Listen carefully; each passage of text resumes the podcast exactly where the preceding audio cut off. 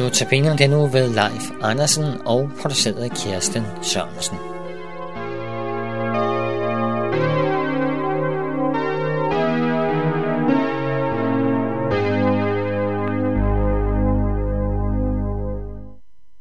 Hvad er håb egentlig?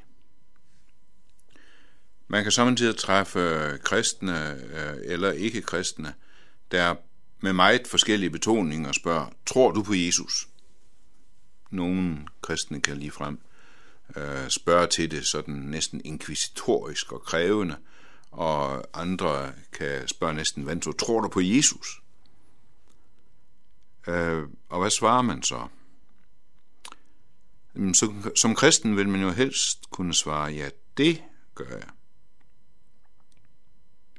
Og nogle gange kan det faktisk være svært at sige med, med vidshed, sådan med navlfast overbevisning. En gang imellem kan man endda gribe sig i, når man står til gudstjenesten, øh, og vi skal rejse os og sige, vi tror på Gud Fader. Man står næsten der med, med krydset fingre på ryggen, og ved ikke rigtigt. Nogle gange erstatter jeg det der, jeg tror med, jeg håber. Jeg håber på Gud.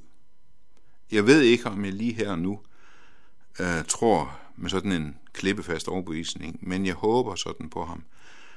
Og øh, hvis man ikke rigtig kender det kristne håb, den kristne håbs tanke, hvis man ikke er fortrolig med den, så kan det godt lyde som noget meget misforståeligt, fordi øh, jamen håb, det er jo sådan noget med, at øh, jeg håber, det ikke regner i morgen. Øh, men det kristne håb er noget andet. Øh, det er noget, man håber på med udholdenhed. Det er noget, man håber på med vidshed, som, øh, som der står i skriften. Så det er ikke sådan et håb, at jamen altså, jeg håber da på Gud, det kan jo godt være, han er der, og hvem ved. Øh, men det er et håb, hvor man er ved at gå til af længsel. Det er et håb, hvor man kan blive næsten desperat af at længes. At være desperat betyder faktisk at være håbsberøvet og være håbløs. Og Nytestamentet har faktisk et udtryk om den der mærkelige spænding, at man tror med håb, mod håb. Det siges om Abraham. Han tror på det håbløse med et desperat håb. Han længes, han vandrer. Så det hører til håbets væsen, at det er på vej. Jeg er ikke ankommet endnu. Jeg har ikke grebet det endnu, siger Paulus. Jeg er ikke i land. Øh, og det er altså ikke en fejl ved håbet, at jeg endnu ikke ser noget, eller endnu ikke mærker noget. Øh, Paulus siger lige frem, at til det håb er vi frelst, men et håb, som man ser opfyldt, er ikke noget håb. For hvem håber på det, man kan se? Men håber vi på det, vi ikke ser, venter vi på det med udholdenhed. Så jeg venter, jeg håber, jeg er ved at gå til af længsel efter Gud. Det kan endda give sig nedslag i øh, nogle vold, meget voldsomme bønder i øh, Guds ord. Jeremias siger i kapitel 14 til Gud, Du er Israels håb, dets frelser i trængselstid. Og det lyder jo fint, du er Israels håb. Men så fortsætter Jeremias i vers 8. Hvorfor er du som en fremmed i landet, som en vejfarende, der kun tager ind for at overnatte? Sådan har han faktisk oplevet Gud.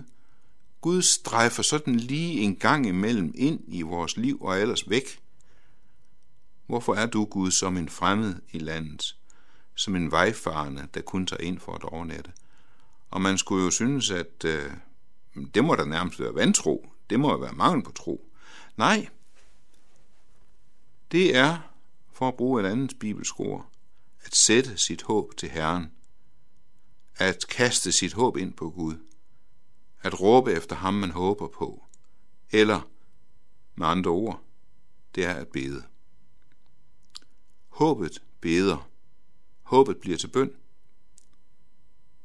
Så der er en verden til forskel på det måske håb, som vi sådan kan snakke om i det daglige. Jamen, jeg håber, jeg, jeg består til eksamen. Der er en verden til forskel på det måske håb, og så det kristne vidshedshåb. For det kristne vidshedshåb, jamen det er ikke i land endnu, men det bliver aldrig snydt. Det bliver ikke skuffet. Vi ved, hvor vi er på vej hen. Vi er på vej hen mod ham, vi længes efter. Jeg har også en helt konkret grund til at gøre lidt ud af det her med, at vidshedshåb og måske håbet, det er to forskellige ting. For jeg oplever som en tid af kristne, at de prøver på i bøn og insistere på ting, de aldrig har fået løfter om. De prøver på at kræve ting af Gud, som de aldrig er blevet lovet. Helbredelse, eller arbejde, eller en god økonomi, øh, hvad det kan være. Ting, vi har lov til at længes efter, ting, vi har lov til at håbe på, men, men vi kan ikke håbe på det med et vidshedshåb. Det bliver til et måske håb, for vi kender ikke Guds vilje.